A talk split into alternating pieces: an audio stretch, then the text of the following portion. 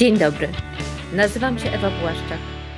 Na co dzień pracuję z liderami i zespołami. Pomagam im budować współpracę i osiągać cele. Jestem mówcą inspiracyjnym, trenerem biznesowym i autorką książek. Mówmy do siebie jak ludzie to przestrzeń, którą stworzyłam, byśmy uczyli się budować pozytywną komunikację między ludźmi, wolną od toksyn komunikacyjnych, w myśl hasła nie trwoń tlenu na toksyny. Uczymy się tu, jak tworzyć komunikację, która leczy, a nie rani, która dodaje skrzydeł i pozwala budować super relacje, zarówno w pracy, jak i w życiu prywatnym. Odcinek czwarty. Smrodliwe bąki komunikacyjne, łupież społeczny i co z tym wszystkim ma wspólnego CIA.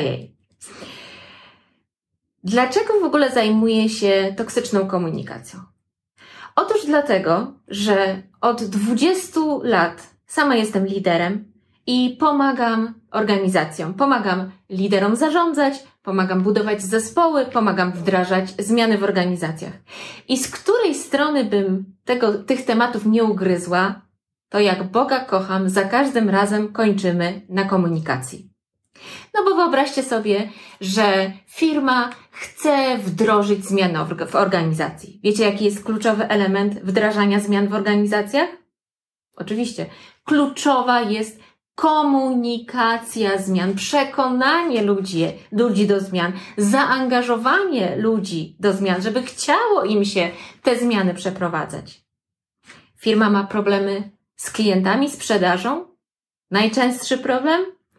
Jak rozmawiać z klientami, żeby się dogadać, żeby zbadać ich potrzeby, żeby chcieli przychodzić i kupować więcej naszych usług, żeby chcieli zostawać i żeby byli za każdym razem zachwyceni ze współpracy. Potrzebna jest dobra komunikacja. Liderzy ten sam temat. Przychodzą i proszą, Pani Ewo, niech Pani pomoże mi zbudować zespół. Od czego zaczynam? Od tego, żeby ludzie ze sobą rozmawiali, żeby się poznali. Żeby organizm zespołowy mógł zacząć funkcjonować, potrzebna jest dobra komunikacja. Firma wdraża kulturę innowacyjności. Czymże jest sesja kreatywna, spotkania prowadzone metodami zwinnymi, metodami innowacyjnymi, jak nie jedną, jednym wielkim, gigantycznym treningiem kreatywnej komunikacji i współpracy.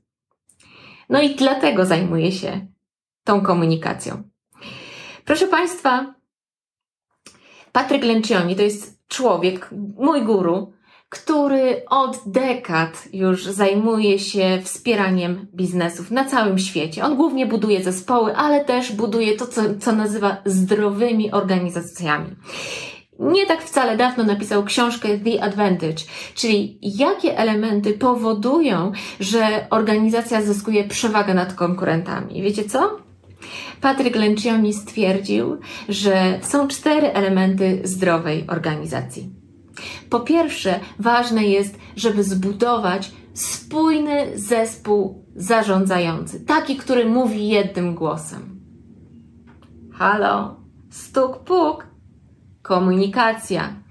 Jak bardzo często spotkania zarządów nie przypominają spójnej komunikacji czy grania do jednej bramki, a bardziej są mieszanką negocjacji handlowych, gry podjazdowej i jeszcze kilku innych ciekawych mechanizmów społecznych.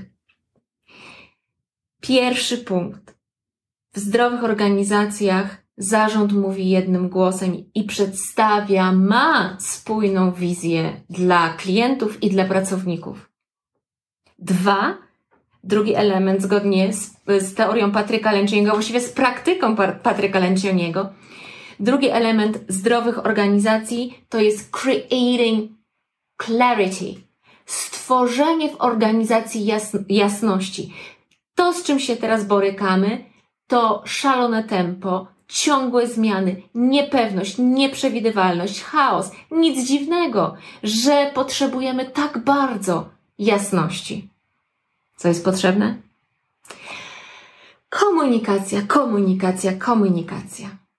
Trzeci element zdrowej organizacji, zdaniem Patryka Lęczyniego, over communicating clarity. Over communicating clarity. Doświadczenia, tak jak mówiłam, we wszystkich branżach, na całym świecie Patryka Lencioniego pokazują, że żeby cała organizacja żyła jakąś wizją, jakimiś celami, do każdego pracownika trzeba z tą informacją dotrzeć przynajmniej siedem razy. Siedem razy, żeby pojawiła się jasność, żeby pracownicy, interesariusze, klienci nie mieli wątpliwości, co jest e, wartością firmy, co wyróżnia produkty, usługi, jakie mamy cele itd., tak itd. Over communicating clarity. I ostatni element? Zdrowie organizacji pewnie już się domyślacie. Reinforcing clarity. Czyli zaszycie komunikatów, które będą wzmacniały jasność w organizacji we wszystkich procesach, procedurach, nawykach organizacyjnych. To jest zdrowa organizacja. Tymczasem toksyny komunikacyjne, czyli ta niekonstruktywna komunikacja zabija jasność, zabija spójność w podejściu zespołowym, zabija zdrowie komunikacji. Z organizacją jest jak z organizmem. Organizacja jest zdrowa wtedy, kiedy jest dobry przepływ. Dobry przepływ, jak w organizmie przepływ krwi, przepływ mikroelementów, tak samo w organizacjach. O zdrowiu firmy mówi nam, na ile jest dobry, czysty, zdrowy, drożny krwioobieg informacyjny, komunikacyjny w organizacji. Tymczasem te nasze toksyny zatruwają nasze organizmy korporacyjne, firmowe, biznesowe. I co? Jak to w zatrutym organizmie? Pojawiają się stany zapalne, gromadzą się gazy, a jak są gazy, to są i wzdęcia, i nic dziwnego, że potem nasza organizacja puszcza efektywnościowe i komunikacyjne bąki, zamiast działać zwinnie, sprawnie i efektywnie. Jestem tu dzisiaj po to, żebyśmy porozmawiali o tym, że kluczową kompetencją w biznesie XXI wieku stała się inteligencja społeczna. Inteligencja społeczna. Co to jest? Tu sięgnijmy po moją ulubioną książkę o inteligencji społecznej Karla Albrechta. Jeżeli chodzi o inteligencję społeczną, to definiuje on ją bardzo prosty, przystępny sposób. Mówi, że inteligencja społeczna to jest po prostu zdolność do dogadywania się z innymi i skłaniania ich do współpracy. Prosta definicja.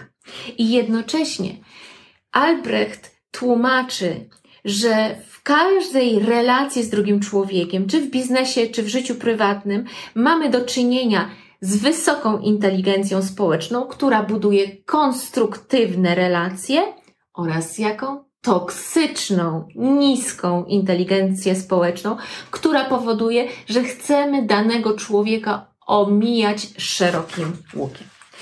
I proszę Państwa, potrzebujemy tę, nad tą inteligencją społeczną wszyscy pracować. To nie jest tak, że my się rodzimy wszyscy z genialną, wysoką inteligencją społeczną. Nie. To jest jak mięsień. Trzeba nad nim, trzeba go trenować, trzeba ćwiczyć, trzeba się na ten temat uczyć, dowiadywać, sprawdzać metody, narzędzia. Ważne jest też, żeby umieć zdiagnozować symptomy toksycznej, czyli niskiej inteligencji społecznej. I tu Albrecht przytacza w swojej książce bardzo ciekawe przykłady toksycznej inteligencji społecznej. Otóż, pierwsza toksyczna inteligencja społeczna to jest tak zwany nieświeży oddech społeczny. Na czym to polega? Otóż nieświeży oddech społeczny polega na tym, że czasem w biznesie czy w życiu prywatnym mamy do czynienia z ludźmi, którzy nie są nastawieni na współpracę, ale są nastawieni na realizację swoich własnych celów.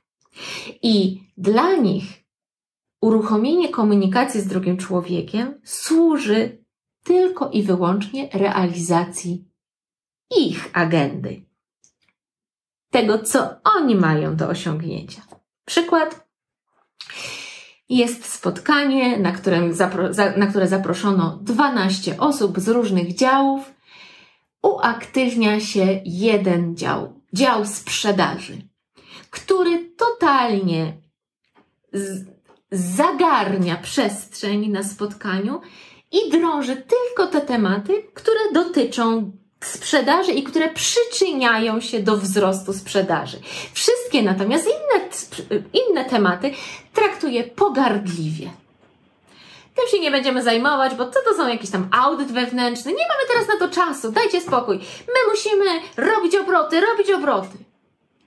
To się nazywa nieświeży oddech społeczny, czyli że ktoś w nas zionie złą intencją, intencją egoistyczną. Nie ma wyczucia, że w komunikacji zawsze chodzi o sytuację win-win. Zawsze chodzi o dialog, zawsze chodzi o to, żeby każdy na spotkaniu mógł się wypowiedzieć i załatwić swoje sprawy. Więc uważajmy na nieświeży oddech społeczny.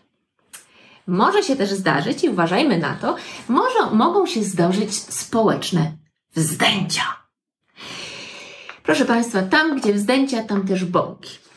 Karl Albrecht mówi o tym, że niektórzy ludzie, niektórym osobom brakuje w komunikacji empatii. Brakuje im wyczucia i potrafią strzelić takiego komunikacyjnego bąka, po którym smród niesie się jeszcze dobre parę dni. Na przykład, Kiedyś raz e, przez przypadek słyszałam taką, taką komunikację, e, pomagałam klientowi we wdrożeniu e, zmiany dotyczącej nowego systemu informatycznego i słyszałam taki dialog. Z jednej strony przy stole siedziała pani księgowa, która miała ogromne doświadczenie, pracowała w tej firmie ponad 20 lat i była już w okresie przedemerytalnym. Z drugiej strony mieliśmy do czynienia z y, człowiekiem z działu informatycznego, który prowadził ten projekt wdrożenia nowego systemu. I nagle słyszę, Pani, Pani Bożenko, to nie ma sensu, żeby Pani się uczyła tego nowego systemu. W Pani wieku to po pierwsze Pani tego nie załapia, a po drugie to Pani się nie opłaca. Przecież Pani zaraz idzie na emeryturę. No, bąk komunikacyjny jak nic. Brak empatii totalny. Co jeszcze może się nam zdarzyć, jeżeli chodzi o toksyczną inteligencję społeczną? Proszę Państwa, nie raz, nie dwa, nie trzy, mamy do czynienia z tak zwanym społecznym łupieżem.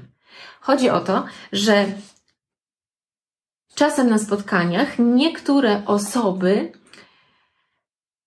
zanadto angażują nas w sprawy, o których słyszeć w ogóle nie chcemy. Czyli mamy spotkanie, mamy mało czasu, a tutaj e, nasza koleżanka poświęca czas antenowy e, na spotkanie zdalne na to, żeby koniecznie opo opowiedzieć ze szczegółami, jak to e, dra dramatycznie jej teściowa zachowała się w ostatni weekend. I zmusza wszystkich naokoło żeby tego wysłuchali i żeby uczestniczyli w jej życiowym dramacie. Taka niepotrzebna komunikacja tylko psuje krew, obniża morale i denerwuje, drażni i jest jak taki łupież, który niepotrzebnie rozsiewamy wokoło. Bardzo częstym, szczególnie w organizacjach typu high-tech, syndromem toksycznej inteligencji społecznej jest tak zwany syndrom Dilberta. Nie wiem, czy Państwo znacie komiks z Dilbertem. Komiks z Dilbertem to jest taki komiks, który pokazuje śmiesznostki biznesu, śmiesznostki korporacji.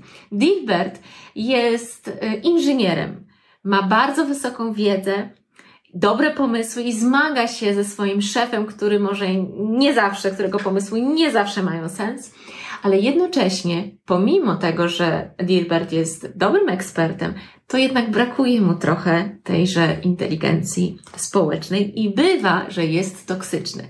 Jakie są elementy tak zwanego syndromu Dilberta? Sprawdźcie, bo może u Was w zespole czy u Was e, w organizacji tacy Dilberci chodzą e, po korytarzach. Dilbert jest typowym inżynierem, stereotypowym inżynierem. Wycofany, ma wstrzymany lub cofnięty rozwój społeczny, pisze Karl Albrecht w swojej książce Inteligencja społeczna.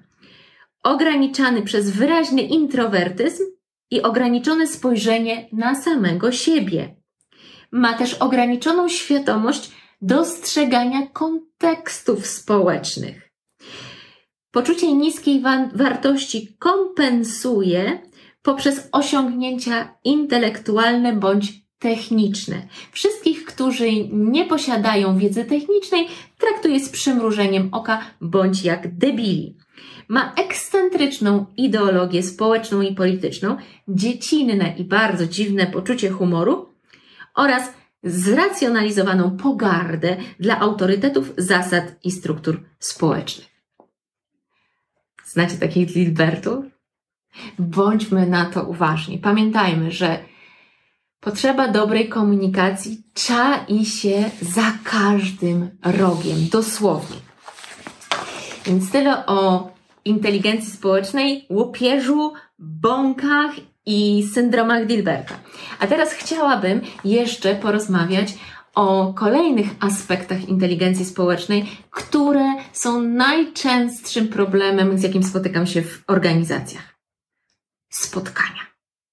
Proszę Państwa, spotkania to zajmują większość czasu pracowników biurowych, że już nie wspomnę o sprzedażowcach czy o liderach tak naprawdę efektywność naszej współpracy w dużej mierze zależy od tego, na ile mamy spotkania efektywne. Tymczasem, jak to jest u Was w organizacji? Czy te spotkania są efektywne?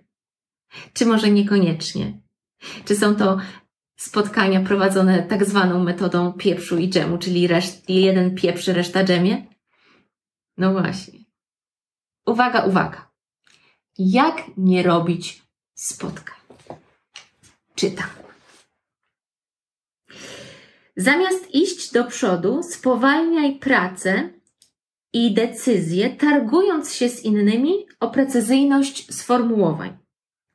Ponownie wracaj do tematów, które już zostały omówione i zamknięte. Upieraj się przy robieniu wszystkiego starym sposobem. Nie zgadzaj się na skracanie terminów w celu przyspieszenia decyzji. Jak sądzicie, co to są za punkty? Pewnie przychodzi Wam do głowy, że to są zasady prowadzenia spotkań jednego z Waszych działów, prawda? Na przykład takiego działu wsparcia sprzedaży. Po, po, ponownie wracaj do tematów, nie zgadzaj się na skracanie terminów w celu przyspieszenia decyzji. Brzmi znajomo, prawda? Nie. To nie jest spis zasad dotyczących spotkań z żadnej korporacji. To jest cytat z rzeczywistego dokumentu. Wiecie jakiego? Agencja CIA w 1940 roku wydała dla swoich agentów, za, dla swoich szpiegów listę rzeczy, które są najskuteczniejszym sposobem sabotowania wroga. Proszę Państwa, to wprowadzenia, wprowadzanie toksyn, toksycznych zachowań na spotkaniach było używane przez CIA do sabotowania wroga. Przeczytam Wam więcej ciekawostek z tego dokumentu. Nalegaj, by wszystko było robione zgodnie z procedurami. Nigdy nie pozwalaj iść na skróty. Gdy to możliwe, referuj wszystkie sprawy komitetom, zlecając dalsze badania i rozważania. Brzmi znajomo, tak? To jest metoda sabotowania spotkań. Proszę Państwa, dzisiaj tylko na chwilę się spotykamy, ale może będzie to taki kamyczek do ogródka, żebyśmy przyjrzeli się inteligencji społecznej, szczególnie na naszych spotkaniach, żebyśmy się przyjrzeli, czy przypadkiem nie prowadzimy spotkań tak, jak CIA sabotowało najgorszych wrogów. Dbajmy o to, żeby nasze spotkania były efektywne, bez toksyn. Co to znaczy? Spisałam tu sobie dla Was takie punkty, które mi się sprawdzają i które sprawdzają się u moich klientów, które pozwalają przenieść zwykłe, codzienne spotkania biznesowe na wyższy poziom konstruktywności. Wiecie, co sprawdza się najlepiej? Pierwsza rzecz, od której zawsze zaczynam poprawę spotkań biznesowych, to jest wprowadzenie nawyku, żeby ustalać takeaway. Co to jest takeaway? To nie jest agenda spotkania. To jest ustalenie i jasne nazwanie, a nawet zapisanie w widocznym miejscu dla wszystkich uczestników, co musimy na danym spotkaniu wypracować. Nazywam to takeaway. I zwykle na moich spotkaniach mówię, dopóki tego, co napisałam na flipcharcie, nie wypracujemy, nie wyjdziemy z tego spotkania. To jest takeaway. Zdziwilibyście się Państwo, jak często spotkania są toksyczne i nieefektywne tylko dlatego, że większość osób y, obecnych na spotkaniu tak naprawdę nie wie, do czego zmierzamy i co ma być efektem spotkania. I tak gadamy, gadamy, gadamy. Byłam raz na takim spotkaniu zarządu i e, poproszono mnie po tym całodziennym spotkaniu, żebym e, udzieliła informacji zwrotnej a propos efektywności współpracy tego grona zarządczego. Ja zwróciłam im uwagę na jedną rzecz. Powiedziałam im, słuchajcie, zauważyłam, że w ciągu sześciu godzin tego spotkania co najmniej cztery godziny dyskutowaliście tematy, w stosunku do których wszyscy się zgadzaliście. Przepalaliście prąd. Więc ustalmy, po co jest spotkanie, jaki ma być takeaway, czyli z czym chcemy wyjść, żeby to od pierwszych moment, momentów było jasne. Dwa, agenda. Oczywiście agenda jest potrzebna, ale to nie jest w spotkaniu najważniejsza. Dobrze napisz agentę mniej więcej, ale jak to w życiu i w, obecnym chaotycznym świecie, najczęściej w piątej minucie spotkania agenda bierze w łeb i spotkanie zupełnie się zmienia. Dlatego warto mieć ten azymut w postaci takeaway, czyli tego, z czym chcemy wyjść. Pal 6 agendę. Czas. Kolejna rzecz. Um, nigdy nie wiem, czy to jest, yy, czy Asperger, Eisenhower, czy nie, żartuję. Prawo Parkinsona.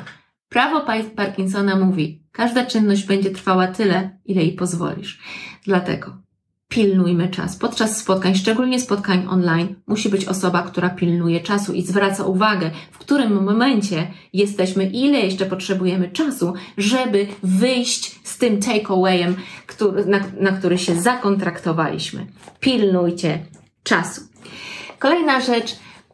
Spotkania zespołowe, a już absolutnie spotkania osób, które na co dzień ze sobą nie współpracują, a już absolutnie, absolutnie, absolutnie spotkania zdalne osób, które na co dzień ze sobą nie współpracują, muszą mieć dyrygenta, czyli osobę, która będzie prowadzić spotkanie, która będzie dbać o czas, która będzie dbać o to, żeby dowieść efekt końcowy, na który się umówiliśmy, która będzie dbała, żeby wszyscy się słuchali, żeby wszyscy włączali kamerkę, bo bez kamerki mamy spotkania metodą pieprzu i dżemu. Taka osoba będzie pilnować, żeby wszystkie osoby brały udział. Jeżeli nie bierzesz udzi- czynnego udziału w spotkaniu, to znaczy, że nie powinno cię na nim być. Każda osoba powinna brać czynny udział w spotkaniu. To potwierdza nam badanie Arystoteles, przeprowadzone, pięcioletnie badanie efektywności zespołów przeprowadzane przez firmę Google. W efektywnych zespołach na spotkaniach słuchamy siebie ostentacyjnie i wszyscy biorą czynny udział w dyskusji, mniej więcej w równych um, ilościach co do czasu. No i ostatnia rzecz. Dbaj o to, żeby spotkanie nie było nudne, żeby nie było tej metody pieprzu i dżemu. Dbaj o to, żeby wprowadzać suspens, żeby wy, wyrywać ludzi. A co ty myślisz? A co ty myślisz? A jeszcze nie, nie słyszeliśmy Hanny. Wprowadzaj drobne elementy energetyzujące, refreshery, icebreakery. To pozwala usunąć zatory komunikacyjne i spowodować, żeby ta komunikacyjna krew, żeby ten przepływ był, żeby była energia na spotkaniu, żeby było zaangażowanie, żeby spotkania były efektywne, a nie takie jak z udziałem Dilberta, tudzież szpiega CIA. I tego sobie i Państwu życzę. Dziękuję i do zobaczenia w przyszłym tygodniu, we wtorek o 20. Bądź do usłyszenia na podcaście. Ewa Błaszcz.